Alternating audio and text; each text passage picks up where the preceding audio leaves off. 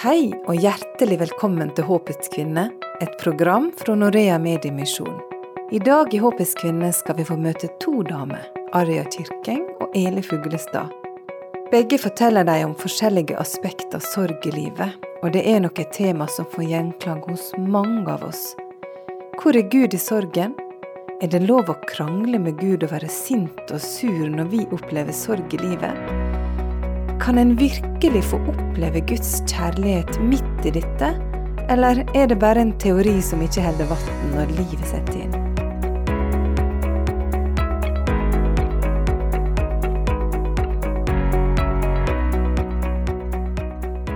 Her i Håpets kvinne ønsker vi jo å dele historie. Vanlige kvinners historie. For vi tror at når vi gjør det, er vi samtidig med på å vise Guds historie, Guds nåde. Og jeg er ikke alene her i dag. Nei, jeg har med meg Marit Veimo. Du Marit, for litt over ett års tid siden så begynte vi å sende denne programserien Håpets kvinne. Og du er jo frivillig medarbeider i Norea og Håpets kvinne. Og du Marit har jo brukt mye tid på å møte kvinner og lese inn program. Hva syns du det har vært så langt? Jeg syns det har vært en spennende reise. Vi hadde jo planlagt og tenkt kanskje i et par år allerede at vi skulle få til et program på norsk, for jeg hadde jo lest mange av programmene som blir sendt på veldig mange språk rundt om i verden, men vi ville finne vår egen vri, vår egen norske vri, og det syns jeg vi har klart. Og i fjor, da i mars måned, så satt vi hjemme i stua mi og lagde det aller første programmet, og det ble sendt i september. Og siden så har vi klart å få til ett program hver måned, og det syns jeg er ganske sprekt. Hva har det betydd for deg personlig, Marit, å lage disse programmene? Eh, jeg føler at, eh, at, vi går kanskje litt i ferdiglagte gjerninger, ja. At Gud går med oss og er, og er, med. Vi har våre tanker kanskje om hvordan programmene skal være og hvem vi skal intervjue, men så kommer kanskje Gud med noen andre forslag, og ja, og sånn var det med det programmet vi skal høre i dag. Jeg møtte Aria Kirkeng, hun er finsk, men har bodd i Norge i mange år, jobba gjennom Evangeliesenteret. Og jeg skulle møte henne i en annen sammenheng, og plutselig så forteller Aria sin historie om sorg, at hun hadde mista ektemannen Per for tre år siden, og de hadde jo vært gift i 33 år. Eh, men så begynner jeg å fortelle, og jeg tenker wow, det her, må vi lage et program til Håpets kvinner, for jeg syns hennes vitnesbyrd, hennes ærlige vitnesbyrd, det jeg tror jeg kan være til trøst og oppmuntring for, for mange av lytterne. La oss høre Arje Kyrking sitt vitnesbyrd.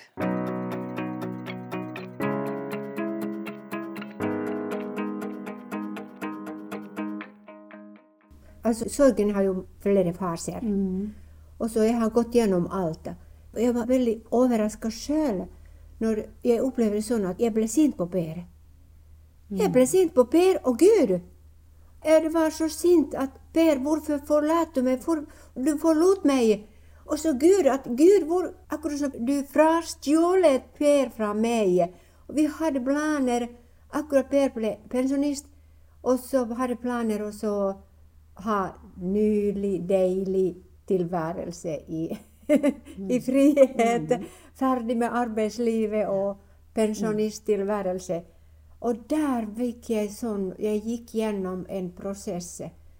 Men jeg kjente meg helt hjelpeløs. Altså, akkurat Per og Gud var der oppe. De hadde gått opp. Men jeg var her, og jeg krangla med Gud. Men så plutselig måtte jeg bare forsone liksom sånn med Gud at ja, ja, jeg er her nå. Jeg er bare her. Og jeg er sint og sur. Men det gikk mm. over. Jeg skjønte plutselig at Jesus elsker meg. Midt i dette her. At, at han, han, han, var ikke synd på meg, men han bare hørte. Han var stille. Mm. Han var så stille at jeg til slutt så jeg måtte le, ja. Jeg begynte å le, ja. Mm. Altså, jeg tenkte at ja, OK, OK, Jesus, OK, Jesus. Sånn at når Per lå ved døden, og jeg sto ved siden av han og søsteren min på andre siden. Og så sykepleieren sa til meg at når dør Per? Og jeg fulgte med hjertemonitoren. Og det var opphold, og så begynte jeg å slå igjen, og opphold og sånn. Og det var ett jeg, jeg, kan, jeg kan regne det var ca. ett minutt før Per pustet ut. Så kom en veldig sterk, klar stemme foran høyresiden av meg. Jeg visste det var Gud, ja, som talte. Og jeg rakk å si til søsteren min, nå taler Gud. Og det var Gud, ja. Det var Gud. Jeg, jeg kjente det var Gud som talte. Det var sterk mannsstemme. Helt klar. Autoritet varm veldig varm, sterk mannsstemme som sa at jeg har stridd den gode strid, jeg har fullført løpet, og jeg har bevart troen. Og var stille. Og da døde Per.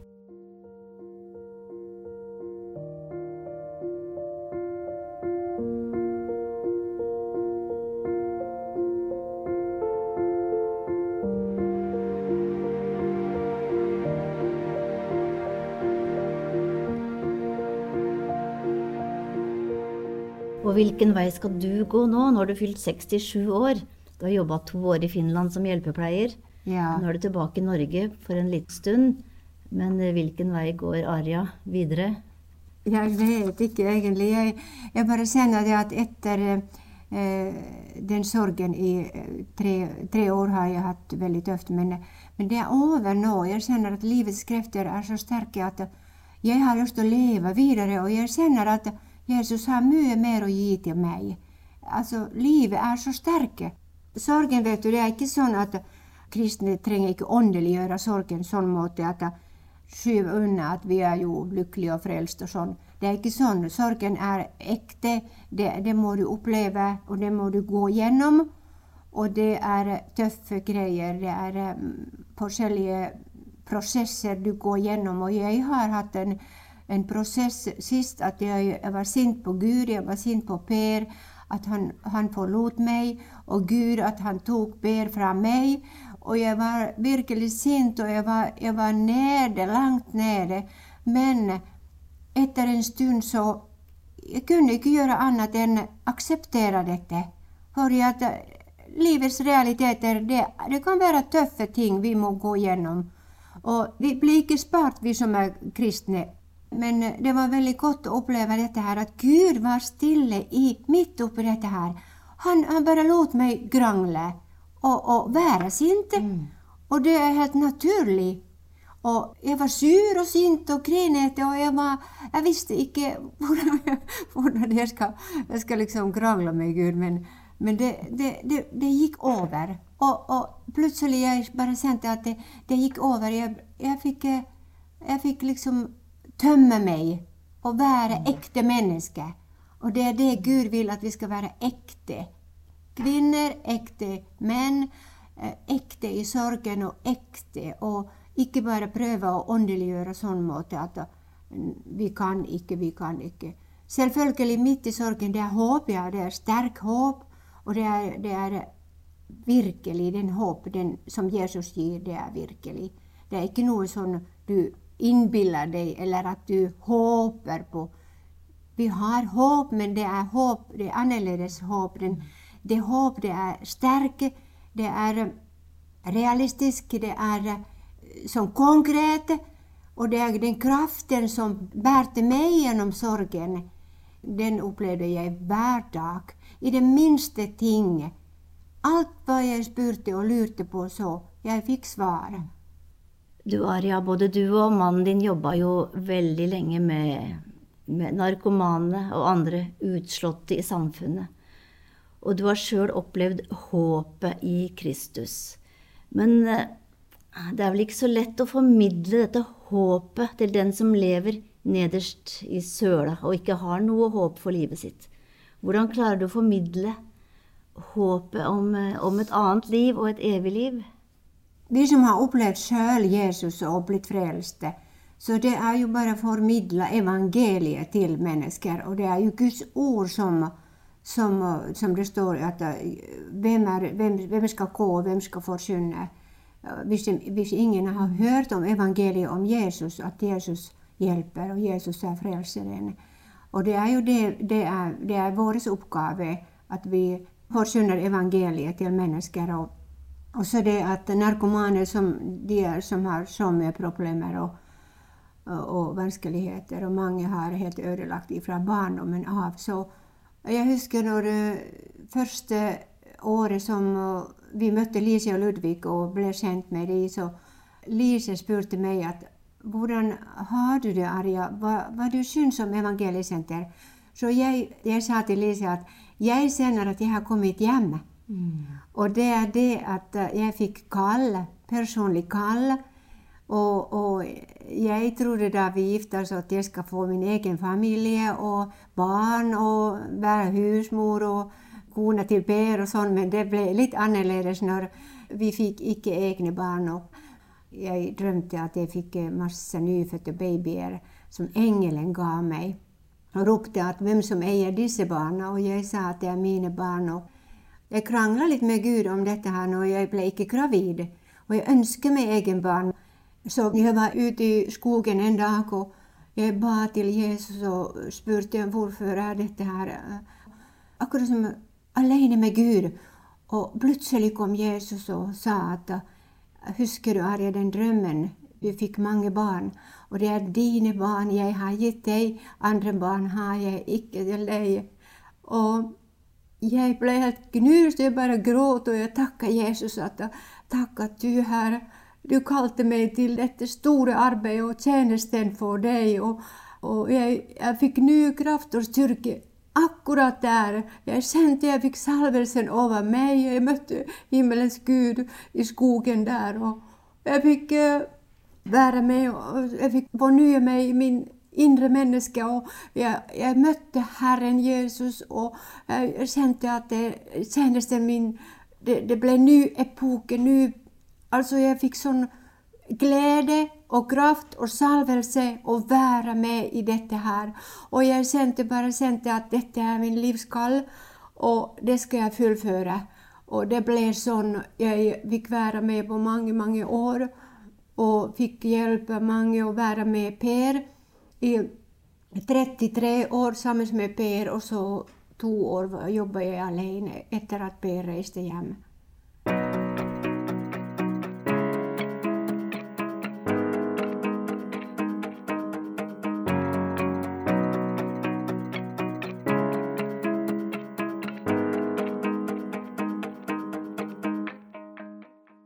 Du møtte Arja Kirkeng i samtale med Marit Veimo. Og nå har vi fått med oss enda en gjest her rundt bordet, her vi sitter. Eli Fuglestad, velkommen. Takk skal du ha. Du bor på Nærbø på Jæren. Du er gift med Roald og har tre store gutter. Du er 44 år, og du jobber som kokk i et fengsel. Ja, og du Eli, du er som meg, du er frivillig i Håpets kvinner. Det skal vi snakke om litt seinere i programmet, hva som er din jobb der. Men du har også opplevd en sorg. Kan du fortelle litt om det? Ja, jeg opplevde for en del år tilbake å miste helsa mi. Eh, det gikk gradvis. Eh, jeg hadde forskjellige helseutfordringer og sykdommer som hver for seg ble ordna opp i, og så dukket det alltid opp noe nytt. Og så kulminerte det i en ME-diagnose i 2008, tror jeg det var og hadde kjente veldig på kronisk utmattelse. Det tok lang tid før jeg skjønte at det var sorg inne i bildet. Eh, kanskje hvis dette hadde skjedd brått, at jeg og andre rundt meg hadde vært mer obs på det, men, men, for meg tok det lang tid. Men det var en aha-opplevelse når jeg skjønte at her er det sorg. Og det var både befriende og vondt på samme tid. Eh, det var befriende ved at jeg forsto mine tanker, følelser og reaksjoner mer. Og så var det vondt, for det tok inn over meg hva jeg hadde mista, og konsekvensene av det. Hvordan opplevde du da at Gud var med deg i sorgen? Var han helt borte, eller var han med deg? Jeg opplevde at uh, han var nær. Det er klart det var dager som var tunge, og der han ikke kjente så nær, men i det store og det hele så var han nær, uh, og det var ganger der jeg kjente virkelig på sorgen og måtte nesten rope til han at 'pappa, det gjør så vondt'. Og så tok han ikke vekk smerten. Men han var der. Og han var der med trøst og en oppmuntring og, og med sitt nærvær, og liksom bare bekrefta at 'jeg er her, barnet mitt. Jeg er her'. Eli, hva har det gjort med ditt forhold til andre som har det vanskelig og har levd i denne sorgen? Jeg har fått et veldig hjerte for de som sliter, enten det er med sykdom eller sorg. Og jeg opplever at jeg får møte de eh, midt i det òg. Eh, for meg ble jo et vers i 2. Timoteus veldig sterkt med at den Gud som trøster oss i all vår sorg, han gjør det ikke for at det skal stoppe der, men for at vi skal trøste andre i all deres nød, eh, i deres sorg, med den trøst vi får av Gud. Når en står i noe så vanskelig og vondt som en sorg er, eh, så er det kanskje nettopp det at noen står der sammen med deg som gjør at du orker å holde ut, orker å gjennomleve det. Eli, nå gjør vi ei lang historie kort. Du fikk oppleve å få helsa igjen, og i dag så er du frisk. Og i vår så begynte du å jobbe som frivillig i Håpets kvinner. Kan du fortelle om din vei inn dit, og hva du gjør? Ja, eh, jeg oversetter bønnekalenderen. Og det skjedde på den måten at jeg var arbeidsledig i vår, og så hadde jeg bedt Gud om eh, å vise meg hva han ville at jeg skulle bruke mye tid og krefter på. Eh, både i forhold til jobb og i forhold til frivillig engasjement. For nå sto jeg med blanke ark og uante muligheter. Og så kom det en dag i posten et brev fra mamma med et ark oppi fra en organisasjon, og det var det brevet der du skrev at du ikke trengte en ny oversetter. Og så hadde mamma skrevet kort i margen 'Noe for deg?' spørsmålstegn. og så kjente jeg ja, ja, det er noe for meg. Og så sendte jeg en mail til deg og tilbød meg å prøve. Og så tenkte jeg etterpå at oi, det gikk litt fort. Um, kanskje det var litt for raskt. Jeg rakk ikke å be først en gang. Gjorde jeg feil? Så jeg måtte be Gud om å bekrefte det veldig tydelig, eh, om det var dette eller ikke. Når jeg da fikk svaret fra deg, som var så positivt, og du var så velvillig og, og, og begeistra, så tok jeg det som en bekreftelse. Eh, og så prøveoversatte jeg, og du var fornøyd med oversettelsen, og da tenkte jeg ok, da går vi for det. Og det var veldig bra oversatt, Marit. Du må forklare, hva er Håpets kvinners bønnekalender? Det er jo ikke alle som veit hva det er. Håpets kvinner, det er en todelt sak. Det er en internasjonal bønnekalender, og det er programmet Håpets kvinner. Begge deler er jo oversatt til veldig mange språk. Men den bønnekalenderen den kommer altså ut i en 125 eh, land, oversatt til 60–70 språk, og hver dag så ber en 60 000–70 000 mennesker de samme bønnene over hele verden, så vi er litt av et bønnekor, og det er litt av en jobb du får lov til å være med på, Eli. Men hva gjør det med deg sjøl også å oversette? Hva gjør det med deg når du leser disse ofte dramatiske bønnene? Jeg blir berørt av det jeg leser, og det kjenner at det må jeg for å oversette, for mer å kjenne hjertet bak ordene, på en måte. Men jeg er først og fremst takknemlig for at jeg får lov til å bidra på denne måten, fordi jeg er kjent på kraften i forbønn sjøl, og kjent hvor avhengig jeg er av den, og hvor, hvor, hvor kraftfull han er. Og da tenker jeg at den, den forbønnen trenger jo i hvert fall de som står i så vanskelige situasjoner. Og det å få være med på å bidra til at de får den forbønnen de trenger, det er jeg veldig glad for. Og hvis du som lytter ikke mottar bønnekalenderen, så kan du gjøre det så enkelt at du sender en SMS med bønn kvinner til 2065. Da får vi adressen din, og så får du den tilsendt gratis i posten. Nå skal vi be sammen. Kjære Gud, takk for at du er vår frelser, og at vi får være dine barn. Takk for at vi får komme til deg i bønn hver måned på mange språk verden over. Takk for at du velsigner kvinner, menn og barn, og at endringer skjer i enkeltmenneskers liv og i lokalsamfunn. Takk for at forbedre og radiolyttere verden over får trøst, håp og oppmuntring når ditt ord blir forkynt. Takk for staben, frivillige og samarbeidspartnere som står sammen om å gi håp til verdens kvinner. Herre, vi ber for deg som kjenner på sorg i sine liv. Takk for at vi kan være dønn ærlige overfor deg. Du kjenner hjertene våre. Vær med de som er i sorg og en vanskelig livssituasjon. La de få kjenne trøst fra deg. Takk for at vi kan få være håpets kvinne på den plassen vi er, og i den situasjonen vi befinner oss i, enten det er sorg eller glede. I Jesu navn. Ta imot Herrens velsignelse. Herren velsigne deg og bevare deg. Herren la sitt ansikt lyse over deg og være deg nådig. Herren løfte sitt åsyn på deg og gi deg fred. Takk for at du lytta til oss i dag. Ha det godt. Du har lytta til programmet Håpets kvinne fra Norea Mediemisjon. Ønsker du informasjon om vårt arbeid, gå inn på norea.no. Der finner du også podkasten vår og informasjon om hvordan du kan være med og be for verdens kvinner.